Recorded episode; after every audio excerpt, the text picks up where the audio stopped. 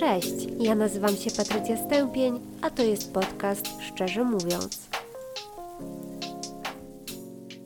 Witam Was bardzo serdecznie w piękną, słoneczną niedzielę, a jeżeli ktoś słucha mnie w ciągu tygodnia, to wysyłam bardzo dużo pozytywnej energii, bo podobno ma być chłodno i deszczowo. Dzisiaj będę mówiła o bezsenności i o jej leczeniu. Zacznę od początku bo w zasadzie to mam wrażenie, że nadużywamy sobie tego słowa w codziennych wypowiedziach i kończy się trochę tak jak z depresją. Czyli ktoś ma obniżony nastrój, tak sobie po prostu i jest to w normie, ale już nazywa to depresją. No i znam ludzi, którzy się nie wyspali i na tej podstawie stawiają sobie diagnozę bezsenności. No nie. Jedno i drugie diagnozuje lekarz psychiatra i trzeba spełnić odpowiednie kryteria, które są zawarte w międzynarodowych klasyfikacjach.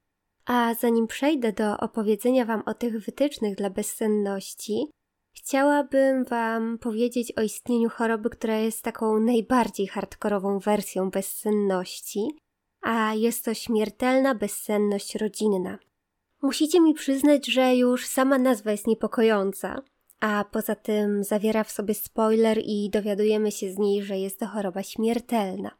Dlaczego rodzinna? Ano dlatego, że jest to jedna z chorób przenoszonych w genach. Pierwszy raz opisał ją w 1979 roku Ignacio Reuter, kiedy dwie spokrewnione kobiety zmarły z powodu bezsenności. Lekarz prześledził historię całej tej rodziny i okazało się, że jest tam więcej takich przypadków. Śmiertelna bezsenność rodzinna wywoływana jest mutacją białka i kolokwialnie mówiąc to złe białko zastępuje zdrowe białko w mózgu. Czy mamy na to lek? Nie mamy. A zwykle choroba ujawnia się między 30 a 60 rokiem życia. Średnio bywa to w okolicach 50, a więc jeżeli mieliśmy mieć dzieci, to zwykle je już wtedy mamy a pech chciał, że choroba ta dziedziczy się autosomalnie dominująco i jeżeli jeden z rodziców ją ma, to jest takie 50-50, że dziecko również się z czasem uaktywni. Po uaktywnieniu chory zwykle żyje od 7 miesięcy do 3 lat. W międzyczasie występują u niego halucynacje, lęki, ataki paniki, utrata masy ciała, a ostatecznie demencja na tyle silna, że z chorym praktycznie nie ma kontaktu. I wtedy następuje zgon. Całe szczęście choroba ta jest niezmiernie rzadka, ale pomyślałam, że przedstawię Wam ją jako ciekawostkę, ale też dowód dla tych niedowiarków, którzy uważają, że sen jest dla słabych. A przechodząc do takiej zwykłej, bardziej popularnej bezsenności, e, w klasyfikacjach jest ona nazywana bezsennością nieorganiczną. A oznacza to ni mniej, ni więcej niż to, że nie jest ona związana z uszkodzeniem ośrodkowego układu nerwowego. Diagnozę stawia się na podstawie kilku czynników. Po pierwsze występuje kryterium czasowe, czyli stan tego niedoboru snu musi trwać minimum przez miesiąc, w tym co najmniej trzy razy w tygodniu.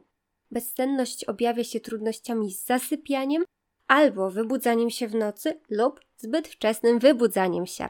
Ale żeby te objawy były istotne, to muszą wiązać się z subiektywnym poczuciem zmęczenia i wpływać na funkcjonowanie osoby w trakcie dnia. No dobra, ale za krótki sen jest pojęciem względnym i każdy z nas może go określać inaczej. O tym też naukowcy pomyśleli i podają nam bardzo konkretne liczby. Aby uznać, że Twój czas zasypiania jest zbyt długi, to powinien trwać 45 minut albo dłużej. Aby stwierdzić, że czas wybudzenia w nocy jest zbyt długi, Łącznie wybudzenia powinny trwać minimum 30 minut. A cała długość snu jest niepokojąca, kiedy trwa mniej niż 6-6,5 godziny.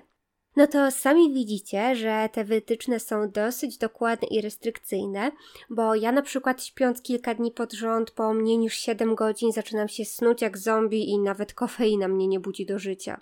No i podejrzewacie u siebie bezsenność i co z tym dalej? Pora wybrać się do lekarza.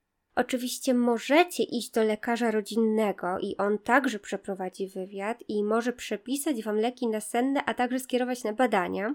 Jednak zachęcam Was do korzystania z leków psychiatrycznych pod kontrolą specjalisty z zakresu psychiatrii, bo niektóre z nich mogą prowadzić do uzależnienia albo wchodzić ze sobą w różne interakcje. Przypomnę jeszcze tylko, że do psychiatry na NFZ nie jest potrzebne żadne skierowanie. Ogólnie wyróżnia się dwa rodzaje bezsenności i pierwsza z nich jest uzależniona od wydarzeń, które w danym momencie mają miejsce w naszym życiu, a są dla nas w jakiś sposób trudne, stresujące, wymagające i ma to wpływ na jakość naszego snu. Zwykle taki rodzaj bezsenności nie trwa dłużej niż miesiąc i kończy się on wraz z ustaniem stresujących czynników albo kiedy się do nich dostosujemy. Taki rodzaj bezsenności może nas dotknąć na różnych etapach życia. Jeżeli jednak stan bezsenności przedłuża się i trwa to powyżej miesiąca, to zwykle jest związany z zaburzeniami psychicznymi, np. emocjonalnymi, z przewlekłymi chorobami somatycznymi albo z uzależnieniem od substancji psychoaktywnych. Oczywiście bezsenność może być także pierwotna, czyli niezwiązana z żadnym z wymienionych przeze mnie wcześniej czynników, ale jest to stosunkowo rzadkie i szacuje się, że bezsenność pierwotna występuje u około 15% chorych. No dobra, mamy diagnozę. Co z tym fantem teraz zrobić? Są dwie drogi i zwykle jak zadziała się przez obie naraz, to poprawa staje się widoczna. Po pierwsze jest to współpraca z psychologiem albo psychoterapeutą, w zależności od przyczyny bezsenności. No więc, jeżeli przyczyną jest uzależnienie, no to taki pacjent jest kierowany do terapeuty uzależnień. Jeżeli przyczyną jest depresja lub inne zaburzenia psychiczne, no to idziemy do psychoterapeuty i tak dalej. Ale czasem psychoterapia nie jest niezbędna i wystarczy psycholog, który przeprowadzi psychoedukację, zaproponuje kilka ćwiczeń, strategii oraz zmianę planu dnia. Pomoże to wtedy zadbać o higienę snu, co powinno przynieść poprawę niezależnie w zasadzie od przyczyny. Wiele osób ma takie przyzwyczajenia, które utrwalają występowanie bezsenności i obniżają efektywność snu. A jest to na przykład pracowanie w łóżku, no bo przecież na zdalnej w łóżeczku najwygodniej, picie zbyt dużych ilości kofeiny. Bo nawet jeżeli nie czujesz, że kofeina cię jakoś szczególnie pobudza, to warto wiedzieć, że jej okres połowicznego rozpadu wynosi około 4 godzin. Czyli po 4 godzinach od wypicia kawy lub energolka masz w sobie połowę tej kofeiny, którą wypiłeś wyjściowo.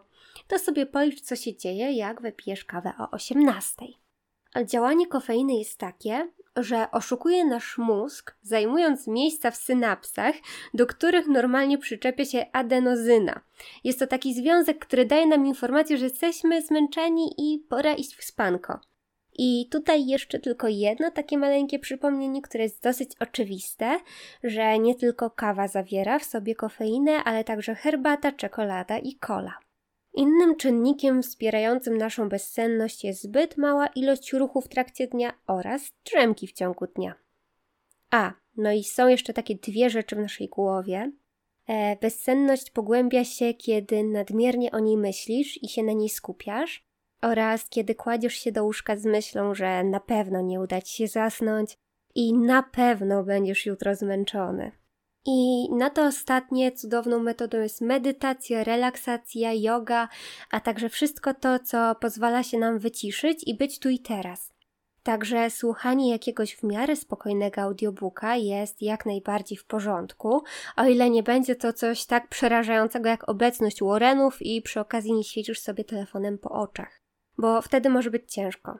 Innym pomysłem y, proponowanym przez y, terapeutów jest skracanie czasu spędzanego w łóżku.